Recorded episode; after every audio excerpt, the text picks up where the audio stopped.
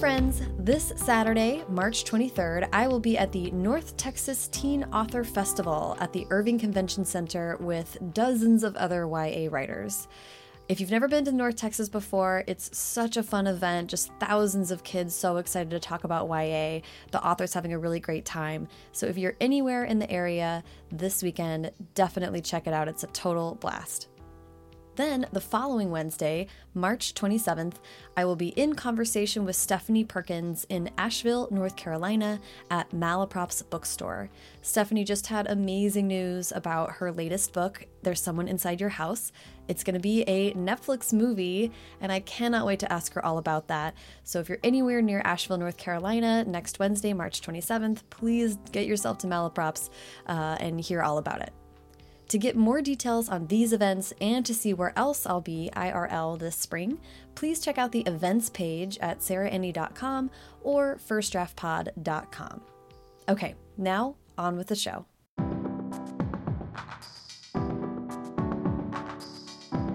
Welcome to First Draft with me, Sarah Enni. Today I'm talking to Jon Klassen, Caldecott award winning and New York Times best-selling author and illustrator of the I Want My Hat Back series, as well as the illustrator of Sam and Dave Dig a Hole and Extra Yarn by Mac Barnett, The Dark by Lemony Snicket, House Held Up by Trees by Ted Kooser, Cat's Night Out by Caroline Stutson, and many more. Circle, the third and final book in Barnett and Klassen's Triangle, Circle, and Square series, is out now.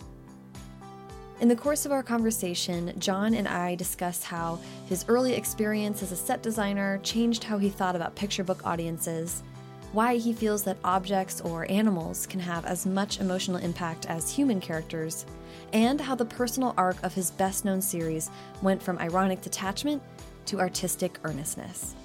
So please sit back, relax, and enjoy the conversation.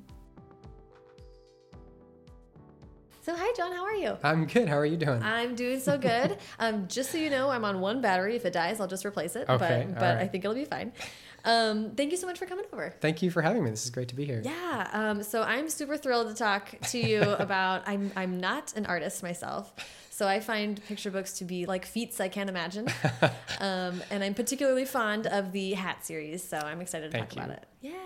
But let's go back and start at the very beginning, which is Mm-hmm. where were you born and raised? I was born in Winnipeg, Manitoba, Canada, but I was only there for a few years. We moved when I was just past preschool. We moved to Toronto, that area, and I spent most of elementary school there. And then we moved to Niagara, just up the lake a little bit, and I went to high school there. Um, so mostly Southern Ontario Okay. area, and then I went to college outside Toronto at Sheridan College for animation stuff. Okay. Yeah. That so that's I want to talk about how art and reading as a kid. Mm-hmm. Yeah. How was that a part of your creative process? Do you remember when you kind of picked that up in a more serious way? like started making it. Yeah. I can remember that because I didn't really draw very much. I don't. I still don't draw very much, and I didn't really draw until I had things to draw, like assignments almost. And we were in third grade. I started to draw a little bit in second grade, but not much. And then in third grade, we were asked to keep a journal of things we were doing all day. You know, what what was your recess? What did you eat? All that kind of thing. And I was so bored by the exercise that I just started writing stories in it instead and submitting those. I think it was every week we had to hand them in, maybe every day. But I started writing a book about a ghost that lived in a cave and a little boy who had to steal a medallion off of the ghost. And in the margins, and then increasingly more and more of the page, I wanted to draw, like just even for the sake of organizing the mm-hmm. image that I was getting. But I was so excited by the story, and I didn't know where it was coming from or where it was going. I didn't have any plan. Wow. And just the whole experience of that, I just, I can remember being so excited and scared by the story itself. Like I would go up and hand in the book and just like back away from the, from the book, being like, I, I don't know, I, like I'm just I, like just scared and excited by it. And you keep trying to recapture that feeling. You know, it's not, you're not analyzing it formally yet. yeah. You just want to tell yourself a story and get excited by it, and you don't know where it's going. Do you mean Um, were you scared of what was happening Yes. in the story? Yes, okay. in the story. Yeah, but but I think just the whole thing, like you don't know, you're making it. Yeah. And so that's a strange experience to have too that you like you've been given this time and Mhm. these this book and this thing to write with and here you are making this thing up. It's so simple and writing is still kind of scary for that how clean a process it can like Yeah. just at least you know the tools that you're given There's not much, but you can just really mess yourself up with it. That is still such a thing of like coming up against a plot point and all of a sudden having a clarifying moment of like, oh, I'll solve this Yeah. is it. Or just like where- associations that you're putting together to sort of make the thing work. All, that whole experience with writing is still very mysterious to me. With illustrations, I'm, I'm sort of getting the hang of it, but with writing, it's still like, where did that come from? How does that work? Does it work? I don't, I don't know. Interesting. And it's such a, it's like walking in the dark with your hands in front of you, and it's like that scary Mhm. kind of a feeling where you're like, what am I going to hit? yeah. I don't even know. But you're doing it. You're making it happen Right. too. Yeah. The fact that you are so much a mystery to yourself is kind of a Yeah. But anyway, that was when I started drawing Yeah. more and I had I was enjoying drawing with the pictures. Like there were things in the pictures that weren't being written about and I realized like you could if I drew where people were in the cave, I didn't have to say he was to his left or to his right. Or you know what I mean? Like Yeah. that kind of orientation just very simply you didn't need to write and it was Mhm. boring to write anyway. You wanted to get to what was going on.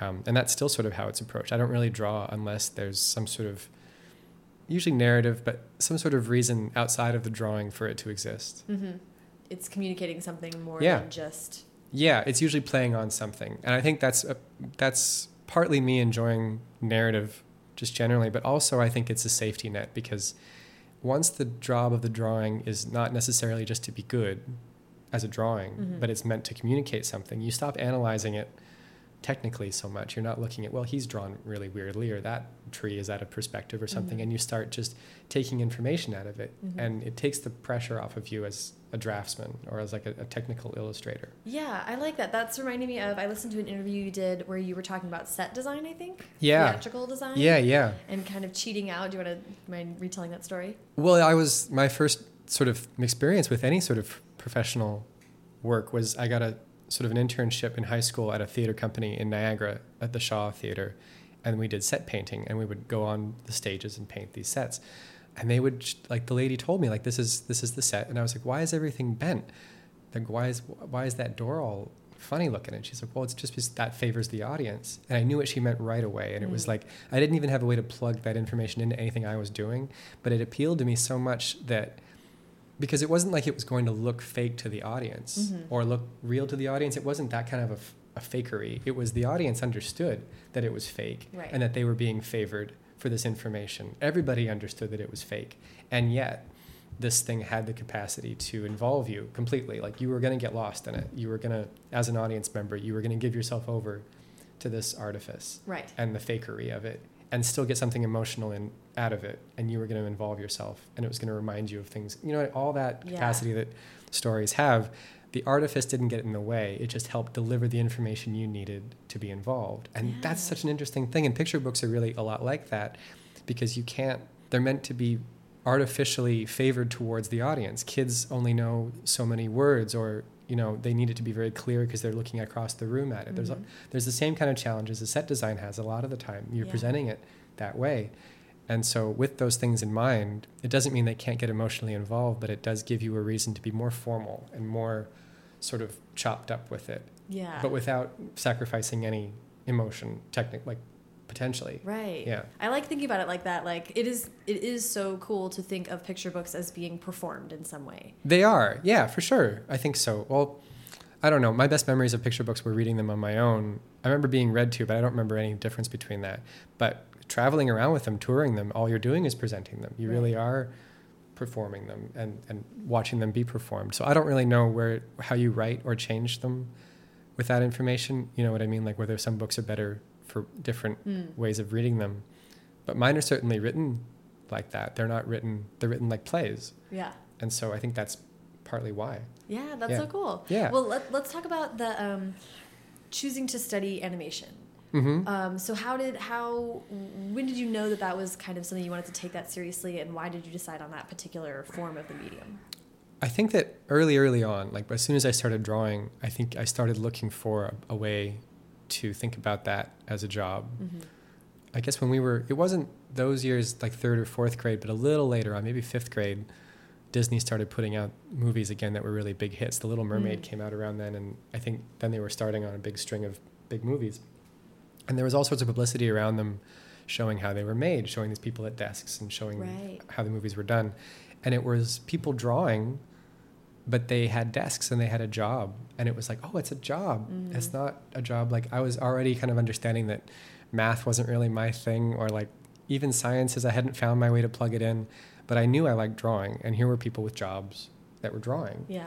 and it was so attractive and the whole thing like i liked the movies you would copy the characters you were just into it Mhm. and it was also a bigger group it wasn't like you were you weren't going to be singled out for better or for worse Right. you weren't it wasn't up to you to carry the whole thing and it wasn't you're not going to be some hero that has to sort of make it on his own i never the art life for whatever that's worth i never got that but i really wanted to draw and so this was it like you had a team of people who were anonymous Mhm. for all intents and purposes, making this stuff that everybody saw.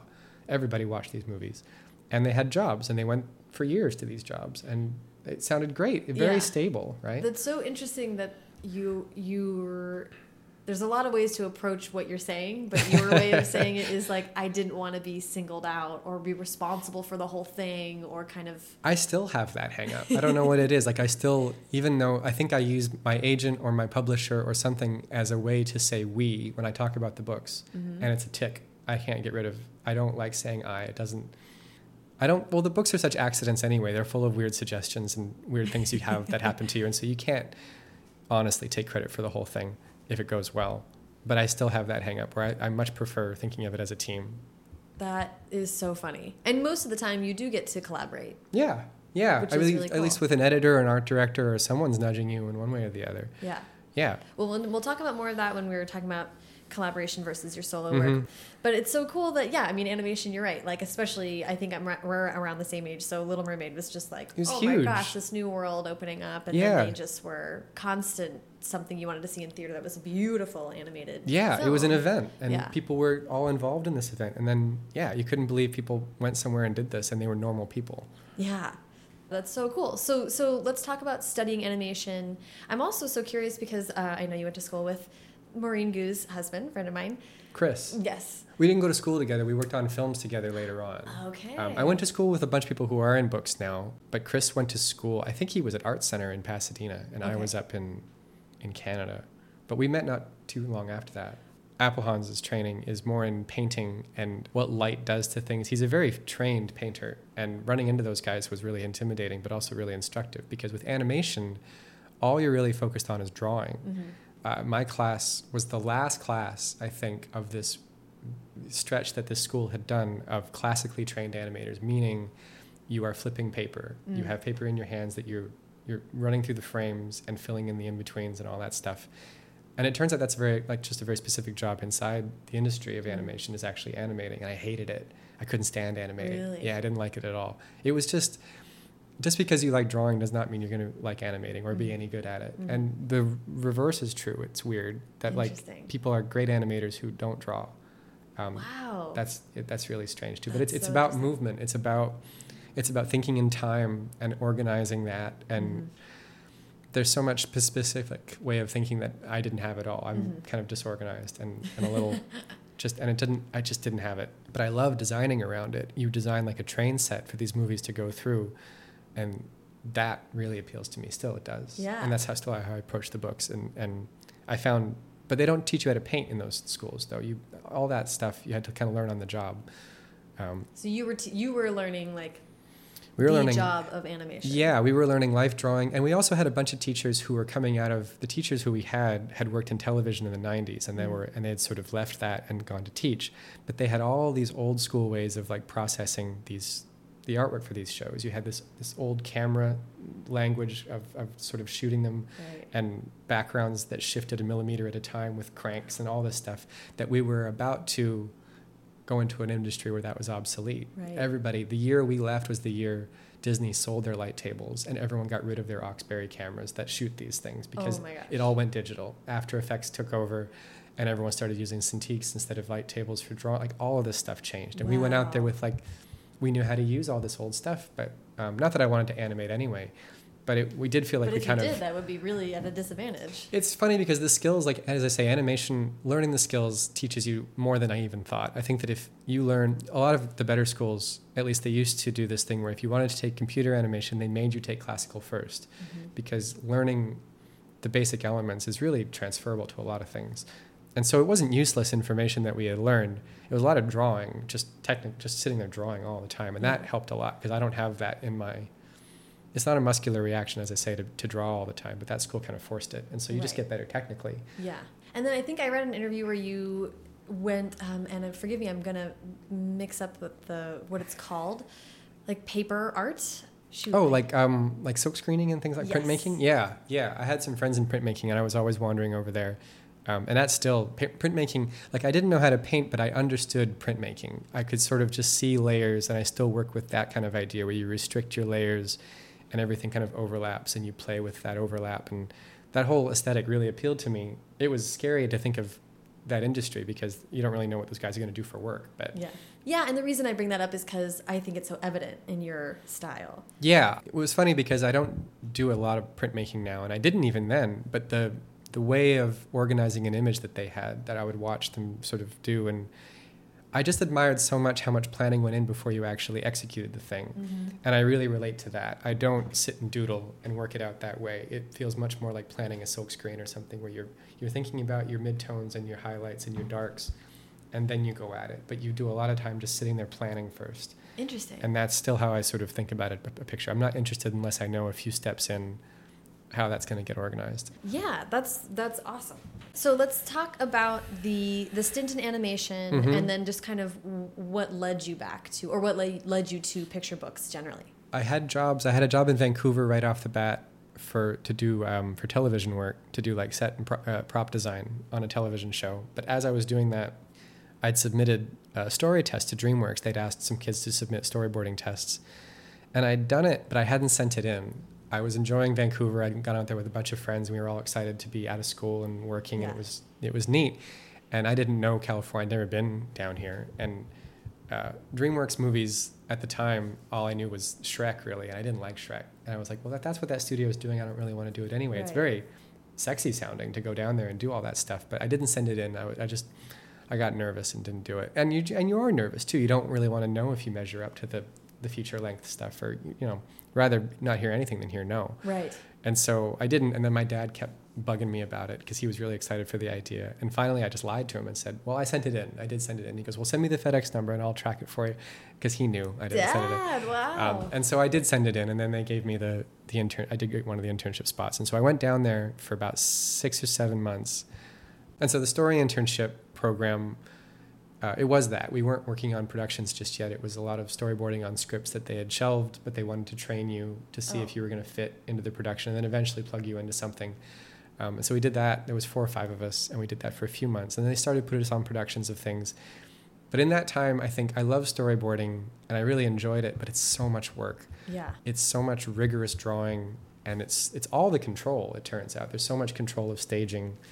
It's basically like directing before the director gets. Yeah, you're of it. kind of seeing the movie before anybody else. Yeah, and you're you're tonally setting it up, and there's all you learn so much about setting up a, a shot or like how shots cut together and all of that stuff.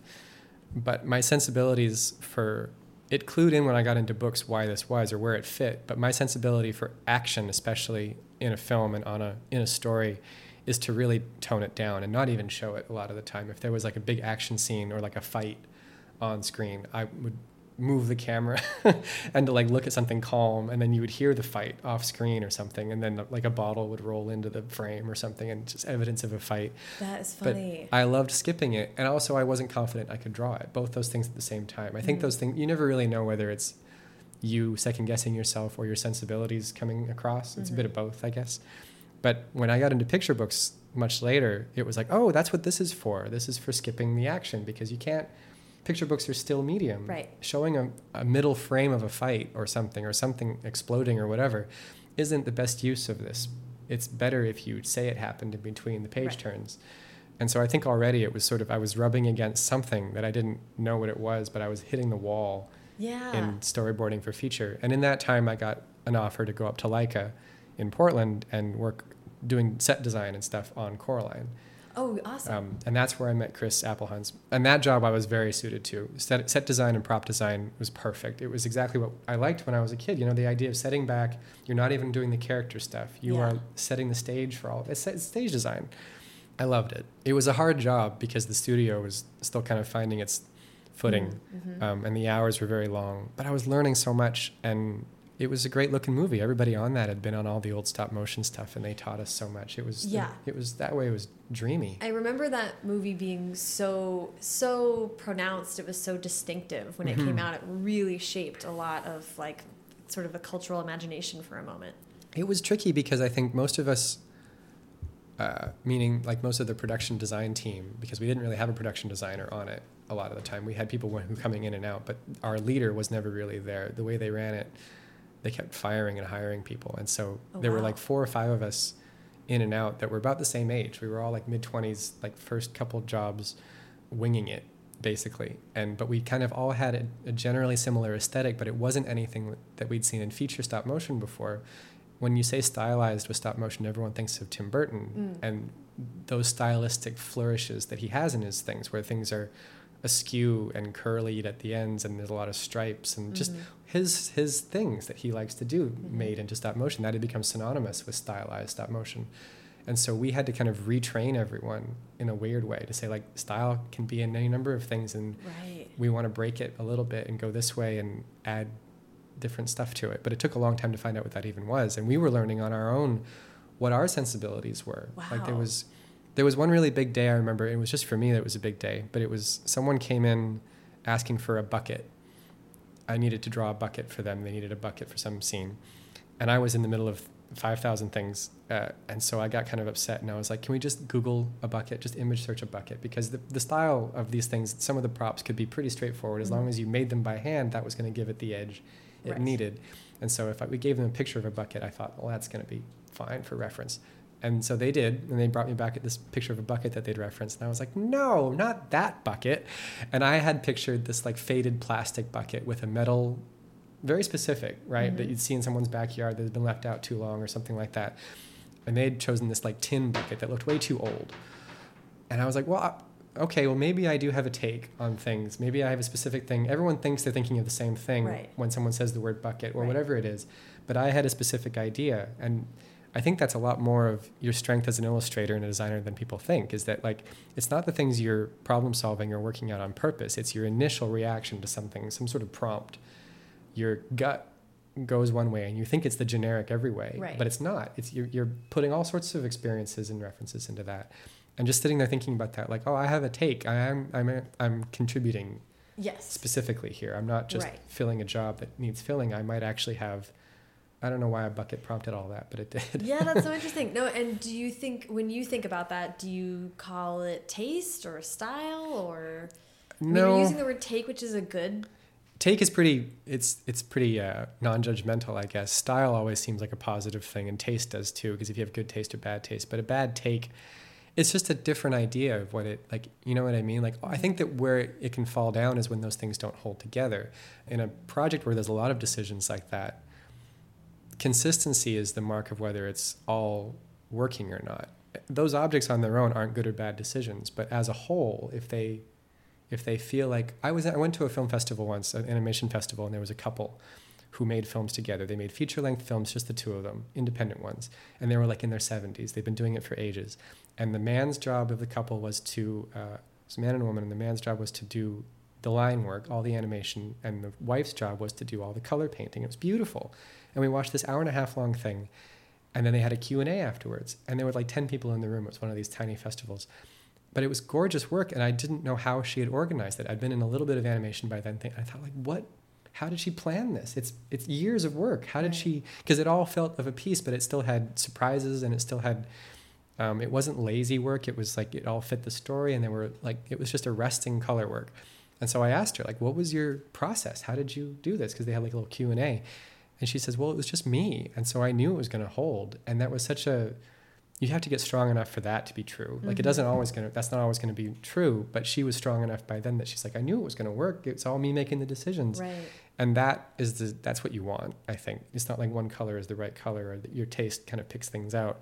It's the strength that you know everything is gonna hold, even though you take chances and surprise yourself. Yeah, and then and then I think that's kind of like point of view a little bit, Mhm. right? As well. Yeah. Um, I have the experience when I listen back to old versions, to old episodes of this podcast, that I'll be like, "Ooh, you know, it would be a good question," and then that's the question that I then go on to, and it's like, "Oh, just Oh, it's yeah, just me yeah. asking the questions the whole time," um, and those and those moments are kind of gratifying. You're like, Yeah. I really am me. yeah, yeah, and that's found in the collection of things rather than in individual decisions. I think. Yeah. Yeah, oh, I like that's a really cool moment to have. We're gonna jump into the picture book decision. I think during Coraline, I think that a couple things were happening. The production was a, was a tough one, and so it just gets you angry in a way that you want to react to. There were so many revisions of things and and wasted dead ends and things like that that you I started to want to take what I was learning and make my own stuff with it. And that never happened before. I'd never gotten excited about drawing. It was always a means to an end or it was always for something else. And suddenly I had a couple tools that I had ideas for, just generally for pictures I wanted to make or the kinds of pictures I wanted to make. And so I started keeping a website more regularly and just making things with these tools that I was learning. And more and more I started including text in those experiments. Mhm. So it was it was things like I would choose a song and try and illustrate the song. And I would do long, long horizontal sort of pieces. I had a website that was this I, I intentionally set it up so it was side scrolling. So you drag your mouse side sideways along it.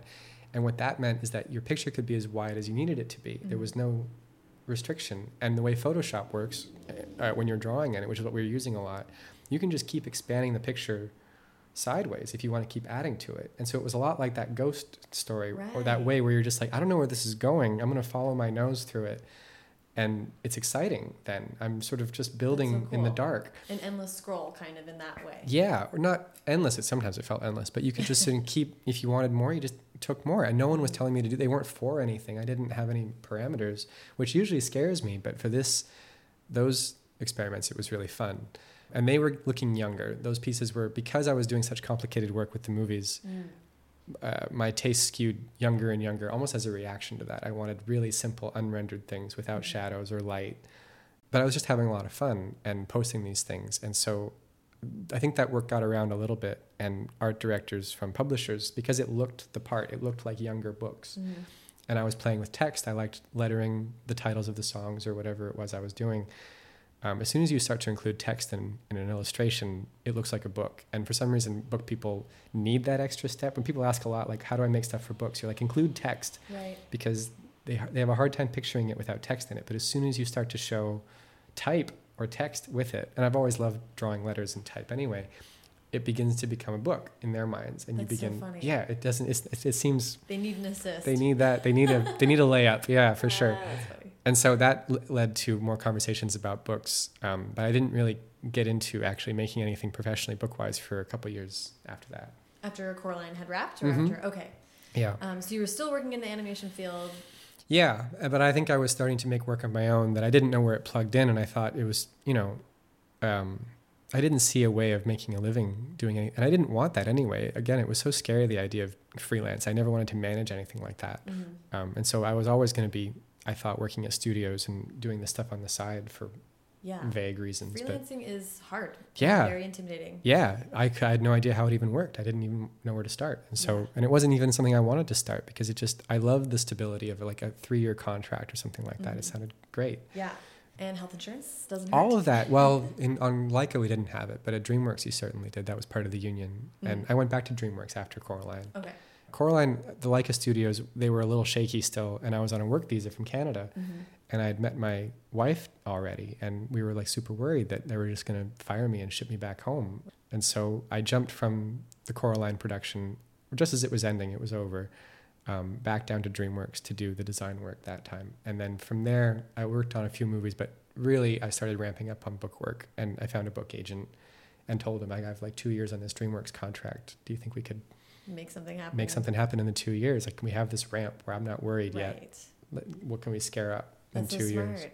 It was it was a really lucky way to go about it because there wasn't it, there was never a feeling of jumping off a cliff. It was always these really easy, not easy, but they were always ramps. It never felt like Yeah.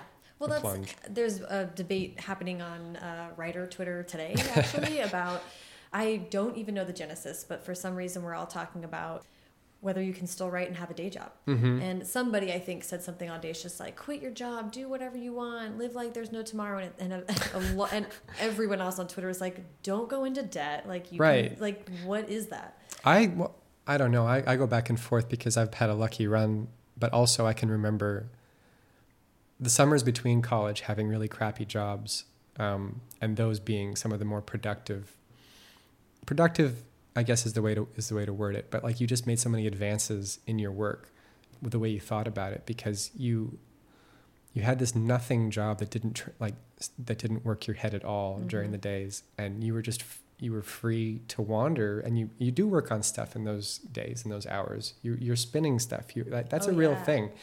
I don't think people believe in it, but I certainly do. And you go back home and you've got all this stuff you really want to get into. It doesn't make for much of a social life. There's tons of sacrifices, and it's for a certain time in your life for sure. I wouldn't want to do it now Right. but at the time i look back on those those periods and it's as i say like later on having a day job and needing to pay rent and having a family it's not conducive to finding yourself in the evenings Right. so I, i'm not surprised that there are all sorts of reactions to that but um, yeah, various perspectives, but also, yeah, those like you get life experience when you're doing a non creative stuff Mhm. during the day, and then you also um, get really inspired to do creative stuff because the jobs are so unsatisfying sometimes. i think there's a lot of takes too on whether you should get a creative job or not if Mhm. you if you have the option because that's burning some part of it but it's also kind of offending the part that would want to take it just an inch to the left you know Right. But I think I learned a lot doing that too because you're problem solving as you're doing it. You're finding out about your own, you can't help but find out about your own processes and what you're interested in doing work for even somebody else. You Yeah. just, you're using those tools for good or bad. Yeah. And so you are, you do come out with a sharpened uh, perspective and a sharpened on yourself Yeah. out of those jobs, I I think. totally agree. A little off track, but I think Yeah, that's, yeah. that's very interesting and worth talking about. I want to talk about how the Hat trilogy came about, but also I, I read an interview with you that was so interesting to me that said that you really didn't want to draw characters. Mm, yeah. yeah. I still don't really like to do it. What? So t- be clear on what you mean by that, and then also like how did you come to these characters? I think that it was a bunch of things at once. I think that in animation school, and in animation generally, there's a practice to developing a character that involves making sheets of poses. And those poses have to do with emotions the characters are feeling. And so, say if you have a movie about, you know, a frog, you'll do 10 pages of, of this frog feeling different emotions. But it's kind of backwards. They used to do those sheets and they would take poses out of scenes that had worked especially well that they thought were representative of what the character was looking like. And so they would cut them out, and then you'd have a sheet of them eventually. But they look so great. Everyone's so enamored with the way those sheets look that they start there now. It's it, part of being an animation kid is making your own sheets like that. You get really into the process and you learn about these sheets and all these other things, and you want to make stuff that looks the part. Mm-hmm. And so everyone starts to make these characters and figure out what they look like doing things, but you don't have a story yet. And so why the person is angry or sad or frustrated or happy in these sheets isn't explained. That always grated me that I didn't that you didn't know. It seemed it seemed showy and it seemed ahead of yourself and it just seemed like I don't know. It's I never I was never attracted to drawing or style that showed off.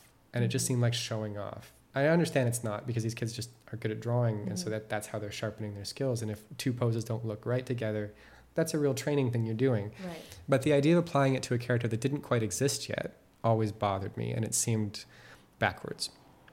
I think it started with that, but also the more I got into set and stage design, I've always had a kind of a you can call it a problem, I guess, but it's a real affection for objects and the idea that they are emotionally aware. When you're a little kid, you get really into that idea, and it's never quite left. This Mhm. and it can really tear you apart if you let it because it's almost like having a cat or having an animal that can't tell you anything back when when you're putting all of your emotion on top of that animal or object or whatever it is you can go right to the bottom really quickly Yeah. and it's really effective as a storytelling tool uh, and so i i got just as much emotionally out of drawing a chair that someone would draw you know a devastated person sitting in a sad scene i Mhm. just thought there was a lot of pathos in a chair or in a table or however you'd want to not because of the way you drew it or a certain pose but just because it, it it existed it was there in the room i don't know there was something about that that i always and i, I think i got more and more into pictures that were it was a good challenge to try and find or stage a picture and keep the interest of the viewer without putting a character into it. It's it's an, it's it's easier to grab your viewer when there's a character to look at as a focal point. Mm-hmm. And I started using houses or chairs or rocks or just even pathways through objects Mhm. as a replacement for engagement that way. And so I just started getting into it. But and it suited stage design and it suited props, and so I didn't ever have to challenge that. But then as soon as I started doing books of my own or thinking about it, my my agent was like, "You have to come up with some characters," and I was like, "Oh, you're chair." kidding me! I can't," because I did have these pretentious ideas about like books of furniture or something like that. And he's like, "That's, I mean, you can do that. You're you'll make two dollars, but um, there are people who do it. They're like zines, and you can't. I think I did make a zine out of it eventually, but but I was working. The same agent before I started doing cards hooked me up with Red Cap cards, who who do greeting cards, and Red Cap is run by Carrie and Hal, and Carrie is especially sort of socially comfortable, kind of slapping you around if you're if you're talking crap. And so I did that to her, where she was like, "We need birthday cards," and I said, "Okay, well here's some rocks and chairs and stuff," and she's like, "No, Jon." I need characters. You have to come to the audience a little bit. Like she didn't mind telling me that. She's like, just give me some animals, give me some some funny stuff. You're a funny guy. Just get off your your stupid soapbox and draw me some animals. And we had a cat actually for the first time. Chris and I were living together at this house, and there was a cat that had come with the house named Cleo. She was very old and very dignified and had had this impossibly interesting life before we got there. And the owner just left her there to fend for herself. Wow. Um, but she started hanging out with us and coming inside when we lived in the house. But it was around Halloween, and we bought this bumblebee costume for Cleo, and we stuck it on her, and it was like it was like sticking a bumblebee costume on like the Queen of England or something. She was just offended and and stood there without moving at all. But the idea that an animal who doesn't know anything about this would be forced into this position related a lot to my hangups about drawing a character, Mm. putting a character in a story. Who the heck am I to make up a character and think about all of these psychological backroads that define their motives when I can't even I don't even know what makes me do the things I do. Who what, what am I thinking about? But an animal forced to sort of act out a story, the idea that you would put someone in a position to be part of this project without them really getting it or wanting to do it or even being any good at it was super attractive. I plugged in like it just all of a sudden I knew what to do with that particular thing and the greeting cards ended up being this series of animals very stoically looking at the camera um, or the viewer with holding balloons that obviously they were just told to, help to hold, wearing party hats that were just taped to them probably, Right. and they weren't into it. But what does an animal who's into a party look like? They're animals. They don't have a way of doing that. If you're honest about it, unless you're you're stretching them more than I wanted to, that's what they look like anyway. That could be the happiest bear you ever saw. Right. How do I know? Um, and it got you off the hook in so many ways. I didn't. I didn't. There was a sculptural quality about it that felt they may as well have been chairs or rocks. They just had eyes. Right. But a lot of animals are like that. They don't give you anything Mhm. um, information wise. And so I was, I was like, okay, well now I know sort of how to draw characters if I need to. And that bear on the on the card was wearing a little pointy red hat. And I already had the title for I want my hat back. I had I just loved the pun. I don't know if it's a pun. It's just a, I guess it's a weird bad gag. But the title on the book saying I want my hat back and the character I thought was a little boy when I got the title not wearing a hat Mm-hmm. that's enough of a sort of a you want covers and sort of images again to sort of be little motors that talk to each other. The text should talk to the picture should talk to the text should talk to the picture. And that Mhm. sort of cycle is what grabs the viewer and makes them work for you and then they're engaged. And so that's what that did that. I want my hat back as a title of a book with someone not wearing a hat. Now you're working for me. Right. now you're you're reading that those two things. But the bear not wearing a hat he doesn't wear hats anyway as far as we're concerned. And a bear who knows like animals in books are so interesting because you're always having to start from scratch as far as what the viewer thinks they're capable of. Are Mhm. these the kind of animals that eat other animals? Are these the kind of animals that live in houses? Do they speak? Mm-hmm. What you have to start every time Right. informing the viewer where they're living with these it's like animals. fantasy writing versus contemporary. Yeah. How we think about it. What's yeah. the rules? Mhm. And so that was an interesting cover too. We got a bear who's missing a hat. So he's conscious enough to be missing a hat, but he looks pretty upset, I Yeah. think. He's looking pretty blank, but it's that same exercise that you hear about where it's like, well, if you think he's mad, then he looks pretty mad. Right. If he looks sad, you think he looks sad. Like you're bringing so much to it. And that's not because the drawing is any good, it's just because of the arrangement of these elements. And suddenly I'm off the hook as an illustrator. I'm off the hook in so many ways with this combination of things, and I'm still enjoying it. You know what I mean? And so That's just so interesting. yeah. I love how you just back. You're like trying to not like you're reflecting back the whole time. you all you're just trying to you're yeah i'm surprised i didn't do a pen name because that's how much distance i want between me and the project it's just but that tension uh, sort of redefining that that relationship between you and the work or the Mm. lack of the relationship and of course it's a personal exercise anyway but trying to keep some distance between you and the work and figuring out new ways of doing that has been most of my job since that it's like sort of reevaluating that and how to keep that going while also getting closer to the work because you get more comfortable and you get less scared. And this is born of fear. All of it is. It's born of embarrassing yourself, or it's born of putting too much out there, or born of being bad at it, or thinking you might be. And so you're trying to get off the hook. You're trying to give yourself safety nets in case it falls flat. Um, so the first book, I Want My Hat Back, is pretty sarcastic, I think, because when you're scared of something, you make fun of it, Yeah. right? And Yeah. as a medium, I knew I loved picture books, but when you're worried about it, you poke holes if you can. And Mhm. so I Want My Hat Back is, I think, the driest and the most sarcastic of them. And since then, I've been trying consciously to sort of do less of that, to be more sincere and more committed to the idea of it actually happening rather than it being actors on a stage acting out this thing. I think the tone of that whole book is uh, actors who have got for the day who aren't very good at it. And they're looking at me when they should be looking at each other because they're supposed to be talking to each other. Mhm. But it's all like a, you know, it's like a class photo when they're in second grade. No one's doing what they oughta. Right. Uh, and that's how I felt as a bookmaker. I couldn't afford good actors. I'm brand new at this. I'm like Ed Wood or something. and so you get guys who you have to like. You're like, I guess that's fine. That's the best picture we're gonna get. Next next page, and that kind of that kind of like ragtag way of making it really appealed to me, and the contrasted with how simple the pictures were. Yeah. Um, There's also something charming. I think you can pull off that attitude with animals hmm more. Yeah, for For sure. sure. There was a um, since this came out, there was sort of a meme that went around the internet with people replacing these characters with characters from shows they liked. So they would do like Thor, I want my hammer back, or something like that, and people Oh, would yeah. draw them and just do the pages and text the same way, but they'd replace it with Doctor Who or whatever it is had these Mhm. things. But it never worked as well when they were people. They would it was somehow something didn't quite fit. I don't know why that is, but with Yeah. animals, it's because of that thing. You're used to them looking at you without any information. Kind of blank. Yeah. and- And so at one point, like he's asking where his hat is, and one animal says, What's a hat?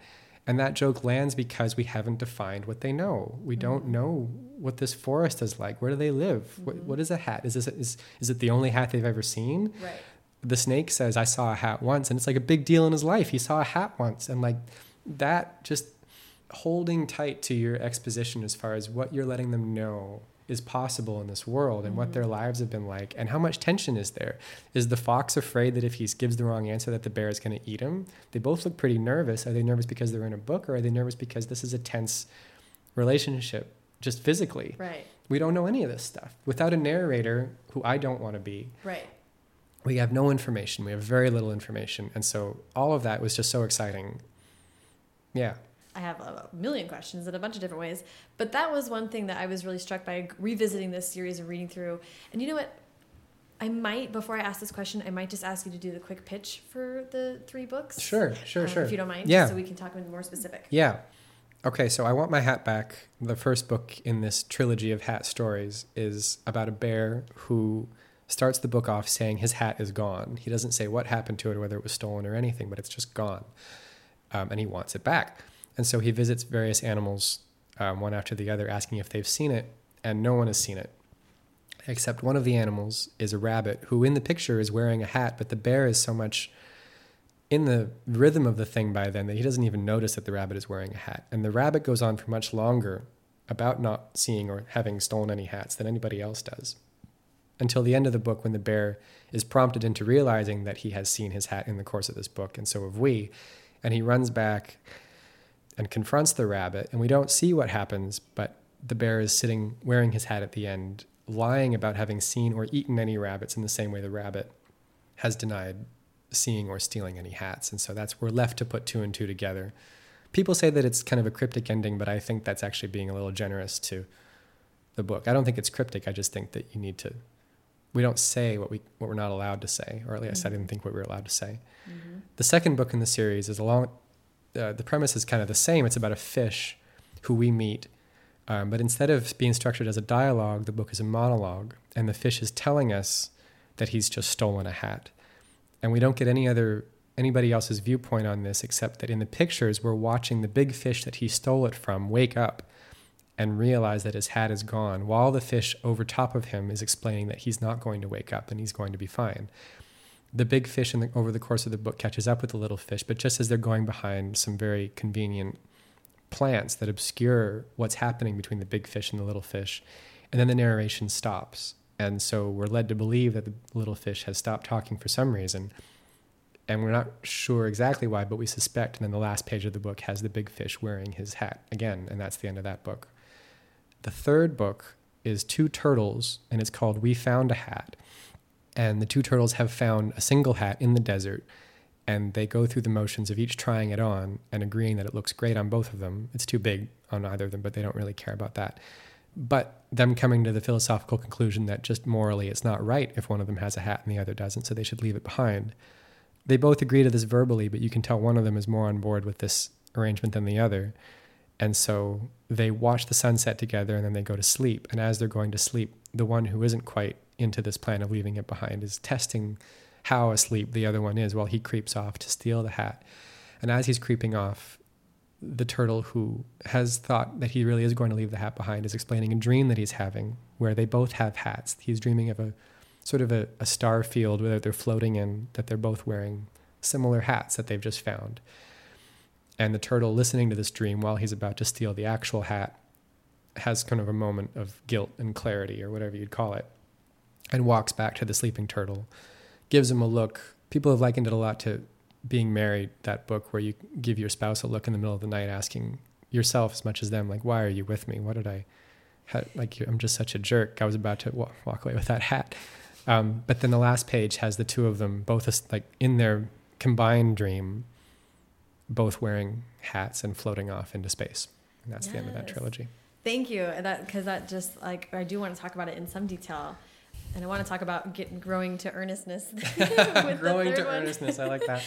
um, but the uh, when when I was revisiting this, thinking about asking questions about it, this is not my hat is my personal phase. Um, it really struck a chord with me, and I was like reading it, rereading it, and it's a Caldecott winner. It struck a chord with a lot of people. Um, so I was like, what is it that just makes this stand out so much from other picture books?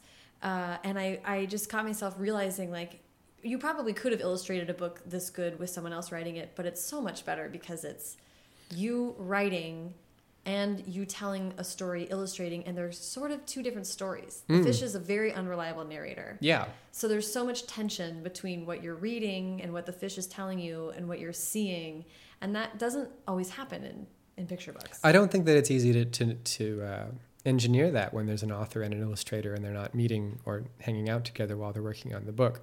I think it could happen if you're writing visually and you have a if lot of notes and stuff. Really well. Or yeah, if you're just like certain writers who just write do have a lot of visual notes that they include with the thing. I I think I see books that do this more often from like the person who's doing both. It's just yeah. easier to conceive of that way and plan. But also, it's the same thing we talked about, where I just don't have much interest in illustrating something decoratively. I don't want to do redundant information in a picture because then it's boring, first of all, but also there's a lot of pressure on the illustration to have reason to exist, and that means it has to be especially beautiful. Mm. You see a lot of older books by really sort of bravado illustrators who are like, this is such and such's take on a Christmas carol or something. Mm-hmm. And it's like, well, it better be good. I mean, we've heard this story, so you right. better show up and give us some new, beautiful pictures to justify the existence of this book. And I've never been interested in that. I'd much rather do pictures that have to exist for you to understand the story. And then you're not, this isn't some stage show of, of how great I can draw. You need the picture to understand. And then it doesn't yeah. matter how I've drawn it, it matters how I've staged it. And that's mm-hmm. a big difference. And the staging is so much more interesting to me than drawing. It seems like story is the alpha and omega for you. Yeah.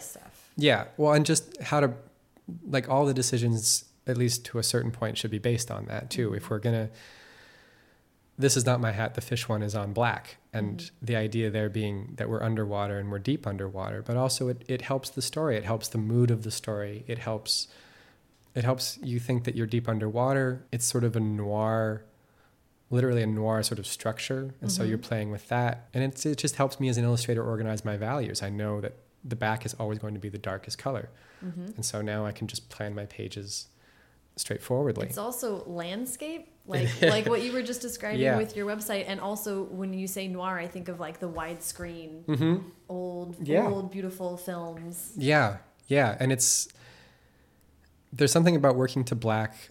I go I go to books that I I really loved when I was a kid, and there's certain color choices that some really great illustrators make where it's very flat colors, but you can see into them somehow. Mm. It doesn't it doesn't look like it's against like a printed color. It looks like it's against like an infinity color, Mm. and I don't know how to choose that, but I think black is my safety for that. It's like, well, I, black I can usually, if it's printed the right way, you can see into black. You don't Mhm. look at it. And so I was interested in that too. I wanted, you wanted a book that felt that way, but I didn't know how to choose a color that did it. And so black is your default for that. That's so interesting. Yeah, I, I know what you. What's who's that painter that paints canvases like a single color and it draws the ire of people who are skeptical of modern art. But when you see these things in person, you see the layers. You see the Yeah, it's and you sort of dream into it. Yeah. I think I've been working on that phrase a little bit lately where it's like that's kind of what you want to prompt. You don't want to do all the work for them, but you want to I'd love to be better at prompting them to just jump into the place. yeah. Um, Yes. Yeah. And, and to me, that's also what this book was like. It also ends in a, like, a, um, you know, these are sort of not, I don't, twist is not the right word, but they're, they're dark. They're not interested in tying everything up in a bow, no. this series. No. Well, they are. I mean, narratively things are tied up in a bow because it's very final. Right. Um, That's true. but it's not morally you're not quite sure what to make of it Mhm. because everyone's made a bunch of mistakes at the end of these first two anyway no one's acted necessarily how they should have and i was interested in that i Mhm. liked um, i think mostly though i think i mean you overthink these books after the fact and you, you don't have these things in mind when you're writing them but uh, over analysis has led to uh, the conclusion that i think a lot of them are about unintended or undeserved consequences to things Mhm. which is a big part of growing up is sort of learning and we have to relearn this all the time is that like well i didn't deserve that and it's like it doesn't matter the little fish didn't deserve to be eaten for this but he stole a little hat from a very big fish that hasn't said a word to us about what he's capable of or what his Mhm. state of mind is. With the rabbit did the rabbit deserve to be eaten by the bear? No but he upset a bear. Do you deserve to get hit by a bus? No but you didn't look both ways. And that isn't that consequence doesn't lead doesn't measure up to It's that. not commensurate with. right but that's life is full of that stuff. I think Yeah. kids learn that pretty early on. And it's something that you're constantly reminded of is that like this feeling of justice It's a construct. is a construct and it's dangerous it's it's not real Mhm. and so much of animal life is based on that I was going to say, go watch Planet Earth. Right. And you're definitely seeing that all the time. Right, those little baby seals don't deserve to be eaten by killer whales, but that's how this clock ticks. And Mhm. but that I think you read somewhere that like indifferent, like the idea of indifference is much scarier than malice. Mm. And I'm so interested in that because indifference looks like what these guys are. That's Right. not an emotional thought. Indifference is clean, Mhm. clean, clean, and examining and sort of just cons- just considering that, just considering the indifference of the, of how the world works, and that's including with people. Where I think we're learning every day. They're not. I think that people would be shocked at probably a lot of the times people aren't actively out to get us. They just don't care. Mhm. And there's not that much difference to you if, if you're the one at the other end of it. But understanding that and sort of, it's just a very interesting subject to consider. Yes, and I, and I think that is not one that is like frequently necessarily found in picture books. nor nor is this what we're talking about. This like you have to be looking at the picture and the image and thinking about whether they sync up. So I think for for young readers, it's like one of these books that gets them like like their eyes light up in a different way. Like you're asking them to think differently. They're not just going to be led through the same paces that they might see in stories over and over again Mhm. which I think is part of what really made it stand out. Um, and I am just going to force you into since I you are at my house and I get to do this. I'm obsessed with the crab. Oh, the crab. He's The very interesting. Is Yeah. my fave. And you just had briefly told me that a little bit of why he was in here, but I just would love to hear your editing process of coming up with this book and how that that generally, but how the, did the crab play into it? Well, initially the story was just the little fish and the big fish. It didn't need anybody else. It was just a chase story. So you don't need other things in there to sort of, at least I didn't think so. But I wrote the whole book with just a big fish chasing a little fish.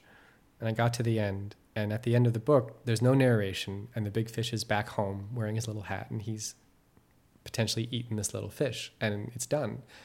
And the whole thing just felt so lonely Mm. that only the big fish knew about what had happened as, as far as our universe was concerned. There was nobody else that knew, Especially when compared to the first book, which had a whole which had a whole host of, yeah, a forest knew. Mhm. And it didn't mean they were going to change anything, but it's almost like everyone, I don't know, there's a feeling of a, like a village having seen an accident or something, and everyone's just like, that could have been me. Mhm. That idea of just like, well, it hit, hit him, it didn't Mhm. hit me. But like that kind of, you're guilty of feeling that way, but you're also sad for the person who, like all of those complex emotions that when something bad happens to someone just to the left of you, that a Mhm. community kind of feels. That wasn't, I, I just needed someone in there also that we could kind of relate to a little more because the little fish, as you say, is a pretty unreliable narrator and he loses us morally from the very beginning. The first page, he says, I just stole this hat. Yeah. And we're like, we're just like, all right, well, you're not our guy on the ground here, even though he kind of is just by virtue of spending time with him. He's the anti-hero of this yeah. but you're not, and the big fish is, a, is just death coming Mhm. for you. He has, he gives you nothing as Mhm. far as relatability. He's angry that his fish is, or that his, that his hat is gone, but he's not, he doesn't give you anything that you can latch onto and relate to past that. Mhm. And that's just a mechanical reaction. And so it just felt like you needed something in the middle there. I think also, I read a lot of folk tales, and um, folk tales almost always have some weird dead end detail, like three quarters of the way through or something, where like they just throw something in there, like, what was that all about? And then they just go back to the regular thread. And it's it kind of warms you to the story somehow. It makes you feel like you've been breathing in it for longer or Mm. something. I don't know what the effect is. It's usually because there was there used to be a tangent there and someone just skipped it in the telling and they just left this kind of shred. A vestige of Yeah. yeah. But that pacing is always so interesting to me that you can have this little like kind of weird sort of side street and then come back to the main road. What's that one in in Lord of the Rings? The first thing they do is go to that guy's house. Yeah. It's he's it's just has no bearing whatsoever on No. anything that happens later, but you do get a lot of songs and a lot of world. It's tonal too, Yeah. like you are. Yeah, exactly. That whole the whole tradition of that. But with you know, the great part of picture books is that you can take these traditions that usually take ages and squash them down to one spread. Mhm. And just you have that formal acquiescence, but you don't need to, to take forever. You get like it's like everything's sped up and condensed. Um, but mostly, I just needed one more guy on the ground at the end. I thought to see the big fish swim away Mhm. after he's eaten the little fish. He, I mean, the crab is also complicit. He, He is complicit. Straight up points to. But that's the feeling of the community, though, too, is that like after you see something happen to someone, everyone who's just craning their necks afterwards feels complicit in a way. They're not stopping, and they, you know, maybe they couldn't have done anything, but maybe they could have. Mhm. And that feeling, that com- complicated feeling. I was interested though because with this character, at the, when we first meet him, he is promised to not tell on the little fish. The little fish has just left him. We don't see their conversation, but as far as the little fish is concerned, he's promised to keep the secret, and then immediately gives up the information when the big fish sees him. With no, yeah, no hesitation. Right. And my thought on that was that he falls apart, right? He I think that he sincerely does promise and he's like, I got it. I got your back. I know who you're talking about and I'm on your side. And then he just caves. He's terrified. Well, as you Um, say, the big fish is death. He's death and, and so here he is, death staring at you. He gives it up. But a lot of kids, that complexity, whether whether they're not comfortable with that kind of complexity or whether it's just the information isn't there to start out with, they see the crab as bad through and through. The first time we meet him, after we know that he's done this, we see him and that's a bad crab because he's lying. I never thought he was lying, but kids interpret it after they see this as a lie Wow. which I don't know what that says about things, but it's but it was interesting because I never intended him to be Right. um, a liar. No, I think I saw. I mean, like I have done a lot of thinking about like why do I love this crab so much. You also did have a card with a bunch of crabs on. Oh it. Oh yeah, yeah. Um, and I bought that years before this even came out, I think, for a friend. And I was like, why am I obsessed with this card? I just, for some reason, love how you draw a crab. Um, I think crabs and turtles, the animals I like drawing best, are usually sculptural. They don't have a lot of ways of emoting or bending. They're Mhm. basically just rocks with appendages, yeah. and so they can't show emotion much. And so those kinds of animals that are like just little robots, kind of moving around, but they're emotional robots, Yeah. are the, the appealing ones for me to draw and hang out with. Um, So I really I connected with him, and then in this book I was like, I think it was that I was like, I can't tell if I'm mad at him or I think he's like, why Mhm. would he? What's what's his stake in this? What's his skin in the he game? Why warmed the, he? he warmed it up right away. He got rid of that cold, empty feeling and put a put. He's our guy in the ground. I think. Yeah. Yeah, I love that. That's so funny. and so then let's talk about this in the context of because I, really do. I'm so fascinated by the idea that you kind of warmed up, wanting to wanting um what was the word you used? Earnestness. Oh yeah. But I, also, this book came long after these 2 mm -hmm. You had you worked on We found a hat. You mean the third one? Yes, sorry. Yeah. Yeah. we found a hat came out. What was it last year? Two years ago now. 2017. Yeah, I hate looking at the copyright dates because there's too much time in between these books. There shouldn't be that much time. But yeah, But you did many things in between. did do many things in between, but that wasn't for that wasn't just because I had this book sitting around and didn't want to do it. It took a long time to figure out the third book, and there wasn't anybody telling me to do a third book. I had a contract for three books, but Mhm. Candlewick, uh, the publisher, was very nice about it, and they said like you don't have to do another one if it's not there. Mhm. Just do another book. Um, but for some reason, I had the first two books are sort of mirror images of each other in a lot of ways. They Mhm. one of them is about is a dialogue about a person who's been stolen from, and then the other one is The you know the, the thief's monologue about all of that and it's just it's it, even dimensionally it's the opposite they're the same Mhm. trim size but one's turned on its side one's on white one's on black it just felt like the interesting part about trilogies for me as far as making them and this is only after making this one and like the other shapes ones with mac but picture books are such a controlled medium they're so precious and they're so specific that it's hard to find room to ad lib or to feel like you're loose Mhm. and you have to almost engineer that process in order to get anything like that. And a trilogy is a great way to do it because you end up, the first book is like your first shot of energy in it. It's just like this weird discovery of a book and it works. And then you have to react to that. A lot of times the reaction is the opposite. Mhm. You're going to do another sec part two, you flip everything as Yeah. much as you can. But then the third one has to be this weird middle gradient between the two. And it's this mysterious, funny one that doesn't really fit. You know what I mean? It's like this strange mixture. It's murky, it's mysterious. And it always felt like that to me, but I was most interested in solving that because the Mhm. other two were sort of like this stark contrast. But the middle quiet one was always the one I didn't even know what it was, but I was more in love with that idea than the other two because the other two were these graphic kind of punches in the face, story wise and, and just visually.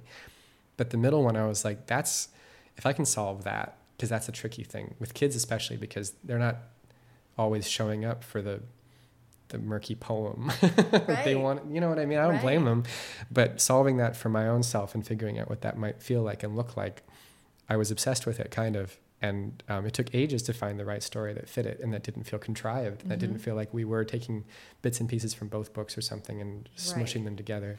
Right. Well, how and this is coming from like I on behalf of people who might be interested in writing picture books or Mhm. people who don't know how this works, including myself. you know, picture books are very slight from a writing standpoint. hmm Most of the Um, time. Yeah. Yeah.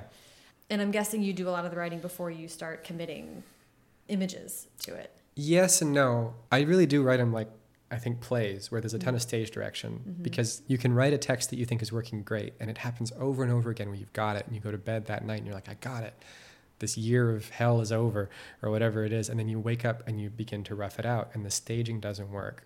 You've set yourself up for a problem on stage where that person can't come in from the left and they Mhm. can't come in from the right because that doesn't work. Like physical problems like that Right. Where it doesn't work or that thing that you thought was going to land over a page turn just doesn't land and it's it's it's like poison in the ear of the thing. It just dies right there in front of you and you thought you had this thing and it doesn't work. So it's really important to write a sentence and then in parenthesis write the page Mhm. description as much as you can. And this helps in a lot of ways. It helps you keep your image clear because if you can't write it down in parenthesis in a clear way you probably have to rework that Right. if it's got like a paragraph of description underneath it, that's not going to be a clear image, Mm. and you're going to have to like just think about it more. hmm It also helps you if you don't have a, a if you say you have a, a, a sentence and the text of the word is Bobby was wearing his blue hat. hmm underneath, what do you? What's your parenthetical description of your illustration that isn't in the sentence? You would just write Bobby wearing his blue hat again, right? And so you're Right. like, well, if I have a double, if this is redundant, then I have to pair something away. And so you might pair away Bobby was wearing his hat. And now in the description, you say it's a blue hat. Or you say Bobby was wearing his favorite item of clothing. Mm-hmm. And what is that? And now in the parenthesis, we say it's a blue hat. So we Yeah. have now like it's it's like sort of a, an early litmus test to this process that you want, where you're comparing picture to. And so that's how I write the books most of the time. Is there's lots of time spent writing it like that, and then describing what you're looking for. But even then, you start roughing, things out, and there's just something you didn't think of comes up. And so, and I was also I think I'd forgotten, and you forget every time I think that the characters ought to be doing the work for you. Yeah. I have all these devices and staging gags or something, or ways to start a story that have to do with just a physical premise of like two characters finding a hat. Um, but you don't know who these guys are, Right. and you don't let them sort of tell you what to do yet. And, and years, I think, two years of writing characters that just felt like I was forcing them into the situation, not in a good way, in a Mhm. bad way. Before these guys just walked out, and it was like, oh no, that's they, they just told me what to do. So, and by that you mean you had like not turtles. You had like all kinds of. I had not. I had these weird penguin guys. I had all sorts of stuff. I really wanted like a bleak. I wanted. To, I, I had one idea that was I was really into where it was all in the snow, Oh. and these two guys were waiting for the other one to make the move for the hat, but they weren't going to budge, and so the snow built up and up and up while they were waiting, and eventually covered the hat and then them, and that was the end of the book. It was just a white spread. And I thought, well, that's clever because we don't really, because the, the idea was that we didn't know if they were going to have left or whether the snow had covered them up. But of course, you thought the snow covered them up because that's just the way the image sequentially worked. But I thought I could solve it, and I spent like a year and I couldn't solve it. But it was such a mean spirited idea, too the idea that the book killed the characters. Right. It wasn't somebody's mistake, it wasn't a character Mm. overreacting, it was the conscious will of the book to kill off these guys that felt really not something I was interested in, in making. And so I was so uh, brokenhearted that this thing hadn't worked, but I was also, you flip again. You want to, if this thing didn't work, you just throw the whole thing into reverse. And then I was like, well, then they should like each other. What happens if they actually like, heaven forbid, Right. they should like each other. I think that part of the reason it's not just a sensibility thing where I like characters who have inherent conflict. It's that it's much harder to establish a believable relationship where characters like each other in the space that these books have. You believe conflict because animals are naturally in conflict, Mhm. but to establish a relationship with a believable one, where two characters, um, where that that's the stakes, is that two characters would break up or something Right. establishing that I didn't know how to do it. I didn't know what to say. You don't want to say they're friends. You don't want to start the book by them romantically stating their Right. feelings for each other. Like, why would they do that? Right. And so They compliment each other in the hats. they do do that. They both try on the hats, and that was from a. I think it was from European Vacation, the Chevy Chase movie. They have kids, two kids in that movie, and they're always at each other's throats because they're brother and sister. But they have to get new clothes at one point. I can't remember why, but they come busting out of this like European boutique wearing ridiculous clothes. And one of them says, "You look cool," and the other one says, "I feel cool." And it's like this. if you have siblings or even like close friends when you were little, there's like a small orbit that clothes inhabit where you see it all the time with little brothers trying to wear what the older brother is wearing and they're almost getting it but they're not wearing it quite as well or it's baggy or something's wrong Mhm. but it's such an affectionate show of what they think of the other even if they're fighting all the time when they say they hate them when they wear the same shoes you're like oh he loves them and there's like this sort of closed loop where it doesn't matter what anybody else thinks if that person says it looks good That's all that matters. that's all that matters. And that's why I figured like these guys, I think they truly believe the hat looks great. And it was that sort of like, you look cool. I feel cool. That idea that they could both be saying, well, it looks great on you. And he's like, yeah, no, it really does. like that's absolutely a sincere emotion. But then also this book, the second chapter in it, after they've Yeah. established that this hat looks good on them, but they have to leave it behind. There's a second chapter where the action almost doesn't happen at all. They're sitting there watching a sunset and the first turtle is really watching it, and the second turtle is looking behind him, thinking about this hat they've left behind the whole time. But that chapter is meant to, as we're going along, still deepen the stakes of the relationship. They're sitting there watching a sunset. That's what that's a pretty intimate Yeah. thing to do is to watch a sunset with somebody and ask them what they're thinking about. He does this. He says, "What are you thinking about?" And the other turtle says, "Well, I'm thinking about the sunset that we're watching." And he's Mhm. telling the truth. but that's a really intimate conversation between two characters that they wouldn't just do to strangers or someone that they didn't have any stakes with. And so you're trying to build the relationship. You have to do it on the go. You Yeah. can't just dedicate whole scenes to how much I love you. Right. You have to do it as you're telling the story. And so that chapter, that middle chapter, is like my favorite chapter of any of these books. Is that because it almost does nothing, but it does so much of what I was interested in trying to Mhm. untangle. But no one moves. All we have is the sun setting, and no one moves at all. So the contrast of those things, I just, I'm, I really love that chapter. I don't know if kids like it, I, I, but it's it's my favorite bit of, of any of the three books, just because it was the toughest to figure out. Yeah, that makes sense. And that's also so cool. And that chapter to me, when I'm thinking about it, I'm just like, who would possibly read this book and not think that they are the turtle looking back? Like, Right. But that's the yeah, that's who you're supposed to relate to, and I think everyone knows the other turtle too, or at least we perceive other people as being as totally being the other yeah, as being the other turtle. You're jealous of them. You're jealous of of of their capacity to abide by what they know is right. Yeah.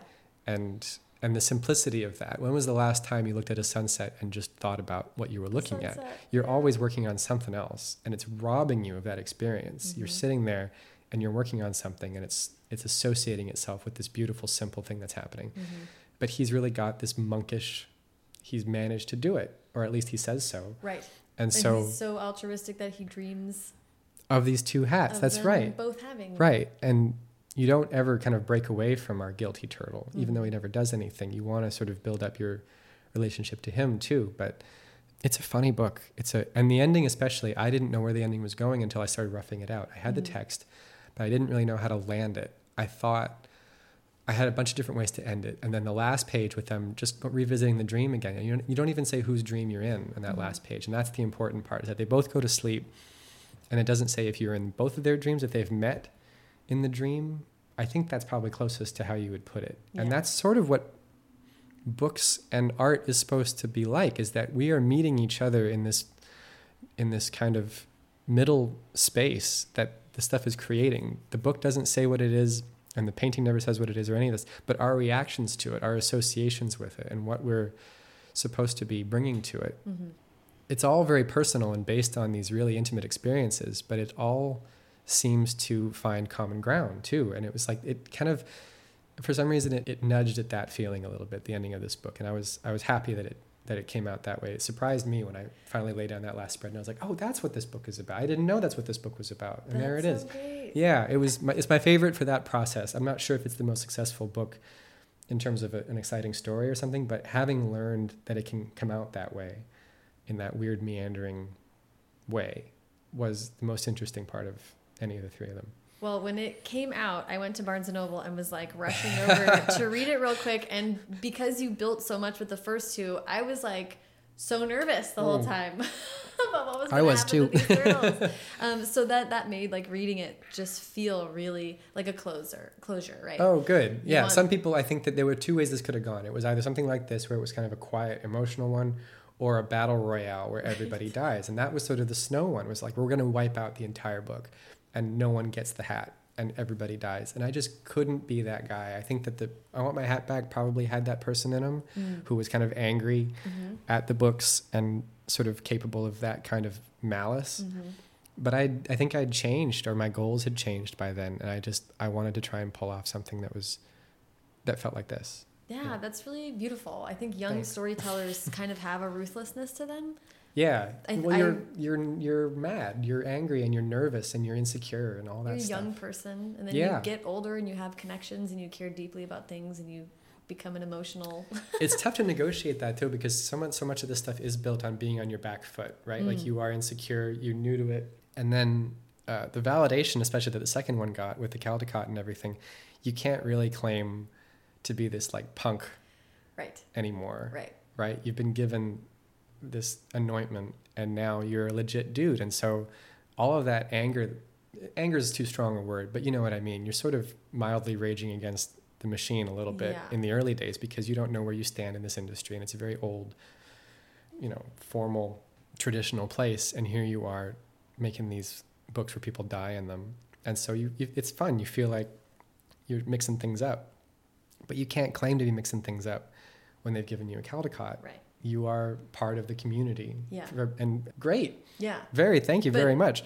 But like that was a big it. part of my gasoline Right. that got taken out, kind of. Right. The years in between those two books, I think that a lot of what was going on. And I, I enjoyed illustrating other people's books in the meantime because you're Mhm. learning about yourself, you're getting better technically, or at least you're trying things out technically that you've been wanting to try out without the crutch of having to write something. Yeah.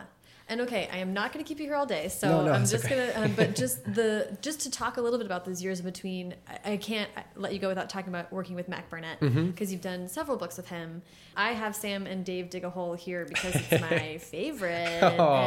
It's so great. I'm obsessed with this book. Um, I'm giving all of these to my one of my dear friends as kids. Oh, Like, good. yeah. Um, and I can't wait to for him to grow up and like be like, what were you trying to tell me?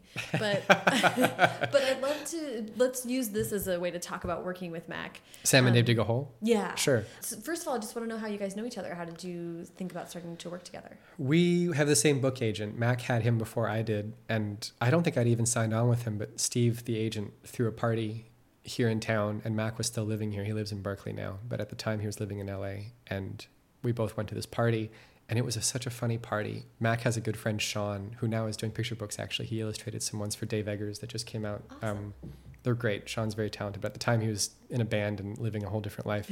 but him and Mac were like childhood friends, and I came into the party and him and Sean were walking towards the door and they were dressed. One of my favorite movies of all is Pinocchio, the Disney Pinocchio. And there's the fox and the cat. And the fox is tall with like a top hat and the, the cat is sort of like schlubbier, but like wearing like an ill-fitting bowler hat. And they were, I swear to God, they looked exactly like that coming towards me. Like I think swinging a cane and everything. They were going to kidnap me and take me off to Stromboli's or something and Steve introduced me to these two guys, and I think Sean kind of disappeared right away, but Max said, "I think I heard you're into Frog and Toad books," and I said, "Yeah, I'm really into Frog and Toad books." He's like, "We're gonna sit down and we're gonna drink some wine and talk about Frog and Toad," because Mac was loving Frog and Toad books too, and so we just talked about Frog and Toad all night at this party, and we're about the same age. Mac has always been sort of, even though he's a little younger than me, he's always been in books longer, and he's just a very very smart and wise beyond his years guy and so it's always been a little bit of the older brother younger brother dynamic between the two of us but Right. flipped as it goes and so he would be able to tell me all these things he'd already been in mcsweeney's for a while they started 826 he was very involved in mm-hmm. all of this stuff in a way i don't even know how you get involved in that Yeah. or start these things it's just miraculous but he's just a very strong the two of us are very complementary we're not interested in exactly the same things about books but we're interested the final product i think we see pretty similarly and Mhm. that's i think that's pretty rare that we don't we're not clawing at the same pieces of it Mhm. to get for ourselves but we both understand that we're getting we want to get to the same kind of general thing Yeah. My best friend and I have very different body types, but we end up dressing the same. right So she'll try to shop for me, and I'm like, no, we have completely different ways of getting to, to where we're going. But we do show up to the party looking exactly the same. right for our own reasons and our own yeah, Yeah. exactly and it, and after a while i think at least for this you start to lean back on that complementary relationship too because at least for the last few books mac knows he can throw me something that isn't quite complete and i'm going to get into that and vice versa if i have an idea for a scene or something i can throw it to him and be like i don't know how to write that but i know Mm. you do and we need that beat hmm so do your work maestro and then Yeah. he'll do it and he knows i'm going to get it back and sort of it's a lot of trust falling back and forth but not even as as negative as that sounds it's just there's a lot of complementaries going on Yeah. Well, Yeah. he so so it doesn't necessarily have to be super polished when you see it, but he'll send you the words, and that kind of starts the back and forth. Yeah well it depends. I think it depends on the book because i think mac and i have done books in every single way that you can as far as that relationship goes where sometimes it's him on his own sending me a text in that old timey formal way where i've Mhm. never seen it and it's done. And then other times it's us writing it almost together and then him doing a polish on the whole text and then me illustrating it. And sam and dave was kind of in the middle where we came up with the concept visually and i laid it out kind of how the book would progress just visually but we didn't have a text at all Mm. and then mac went out and beat out the text and then came back and we had a lot of staging problems we had to work out together but it was like there's all those different ways this can happen between two people it's had the opportunity to happen Yeah, that's Yeah. really neat. And Yeah. it's and fun that you can build that trust over time mm-hmm. with someone to tackle things in different ways and I think we approach writing absolutely differently too, and that's helpful because when I see his writing or see what he does with writing, I'm jealous of it in a very uncomplicated way. Mm. You know what I mean? Where I'm just like, oh, that's amazing. He can do that. I don't want to do that because I don't even know how I would get into that room. But like, he's so loose and he's so easy to sit. He doesn't treat it like I think I think about it like some free climb or something like that, where I have to sit at the bottom and be like, there's no ropes, and I have to analyze this cliff face until I even put one hand on the wall. Whereas he doesn't mind just jumping on. He feels like he's got all the ropes in the world and he's easy with it. And he doesn't mind just trying one end and then Right. going over somewhere else. He's very comfortable with the tools, and I'm terrified of them. And so I'll analyze the thing to death before I start. Right. I don't know if he's put it this way or if I've just started putting it this way, but he's very into sound. I think he gets into a book because he understands how the thing sounds from the outset. He mm. knows how the characters speak, and it's very unique to that book. It's not that he has, I think Mac's writing is really, really distinct from book to book. I don't think that you would put two or three of his texts together and know that it's the same guy writing it. You just know they're all well done. Yeah. Whereas for me, you can usually tell I drew it. Um, even if I do try and mix it up, there's usually something in there that I've avoided doing or some trick I've pulled that is common to the books.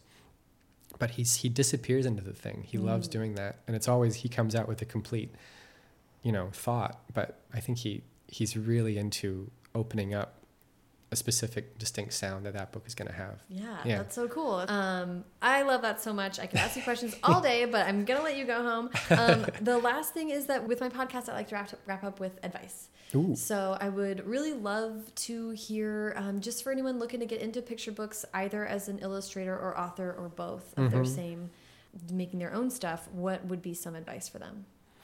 I think that people who get into picture books, a lot of times, especially if they've been writing for a while or if it's later on in the career, but even if it's not, they are so they're such precious objects and they have so much built into them nostalgia wise for Mm. so many of us. You have such good memories of these books and there's just like this revered thing. And the ones that you especially like, they really are mysterious. They're like these little gems that work for reasons that you don't even really understand. That's the same with any book, I guess, but um, picture books just have this like small precious quality to them. And so when you sit down to actually make one you feel like you have to live up to all of that. And you have to bring all of these feelings that you have about the form into this thing you're going to make and it has to live up to it. And nothing will freeze you up like that. You have to be if you really go back and, and look at the ones that you really love so many of them are so much lighter and quicker on their feet than you remember them being. They mm. aren't these monumental works that knew they were monumental at the time they're people are casting around just as much as you are in them when they're making them. It's just that they happen to work that time. Um, but all of them, I think, they just have to work. The rules of them only have to hold for 40 pages or so. The, the wheels can fall off after that. You Mhm. don't need to have a book that could expand into many, many other universes or anything. What drives a picture book only has to hold for that long. And it's surprisingly small. I think that the more work I do, the more you actually get better at zooming in on an idea rather than expanding something. Mhm. You see a piece of an idea that five years ago would have felt like a component that actually you've gotten better. And so you're like, that's a whole book. I can make a whole book out of that Mhm. corner that I, I would have just used part of before. Mhm. And so don't think that it has to represent everything Mhm. at once. There's a there's a there's a temptation for that, especially with book picture books too, because they are sort of poetic, that it has to hold the whole universe between the covers. It only has to be itself inside of itself. That's a bad way of putting it, but it, they, they're much smaller than you think. The successful ones, I think, are born of much smaller ideas it, uh, than you think. And so, anything you can do to localize your thinking about it and get out of your own head and get out of what you're thinking about Yeah. external to the book, just keep unfolding a small premise and you'll find everything you want in that thing. But Right. don't think it has to carry all of your feelings about this form because you'll get there. It, it- the collection of stuff you make will eventually make that for you. But don't think a single book has to do it because it won't.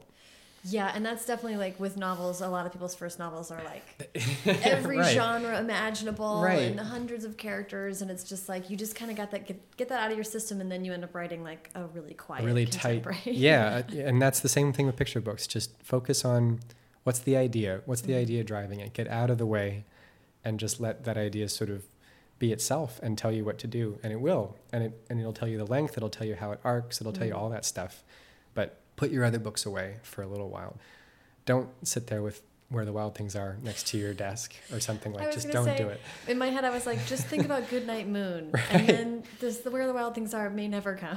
well that's like none of those books they're just such mysteries right? And where the wild things are was was done initially he wrote it as where the wild horses are and he sent it to his editor like that as a rough where the wild horses and it was actually a really long weird trim size it was kind of a weird novelty book but she liked it a lot and so she kept it around and then eventually asked him where's this book? I, I, I like the rough send me the finals. And he, and he wrote back saying i don't like drawing horses. I can't draw them. I don't want to do this book anymore. And she and she was exasperated with him. And i think he was being a baby or something. And so she goes maurice what do you like to draw? Just tell me that. And he just says things. And that's where the wild things are. It's, it was him solving a problem. What brought so much of what's special about that book was reductive to the initial idea. And i think that's the big there's a more elegant way of saying what i was trying to say before is that so much of learning how to make these books you think you have to add things on to make them significant or make them hold what you wanted them to hold. Right. but the lesson so often is that it's actually reductive. Keep chopping keep chopping keep chopping until you have much less than you think you're going to need. Mm-hmm.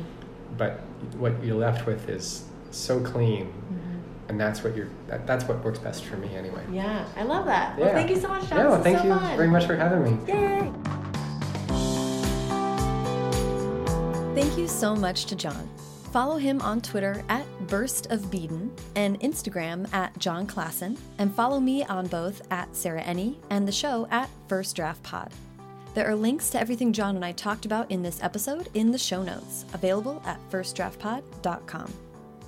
If you enjoyed the show today, please subscribe to the podcast wherever you listen and leave a rating or review on iTunes. That helps other people find the show, and it feels almost as good as watching a sunset with a friend. Haley Hirschman produced this episode. The theme music is by Dan Bailey, and the logo was designed by Colin Keith. Thanks to production assistant Matthew Selznick and transcriptionist at large Julie Anderson. And as ever, thanks to you, Bears Forced to Wear Party Hats, for listening.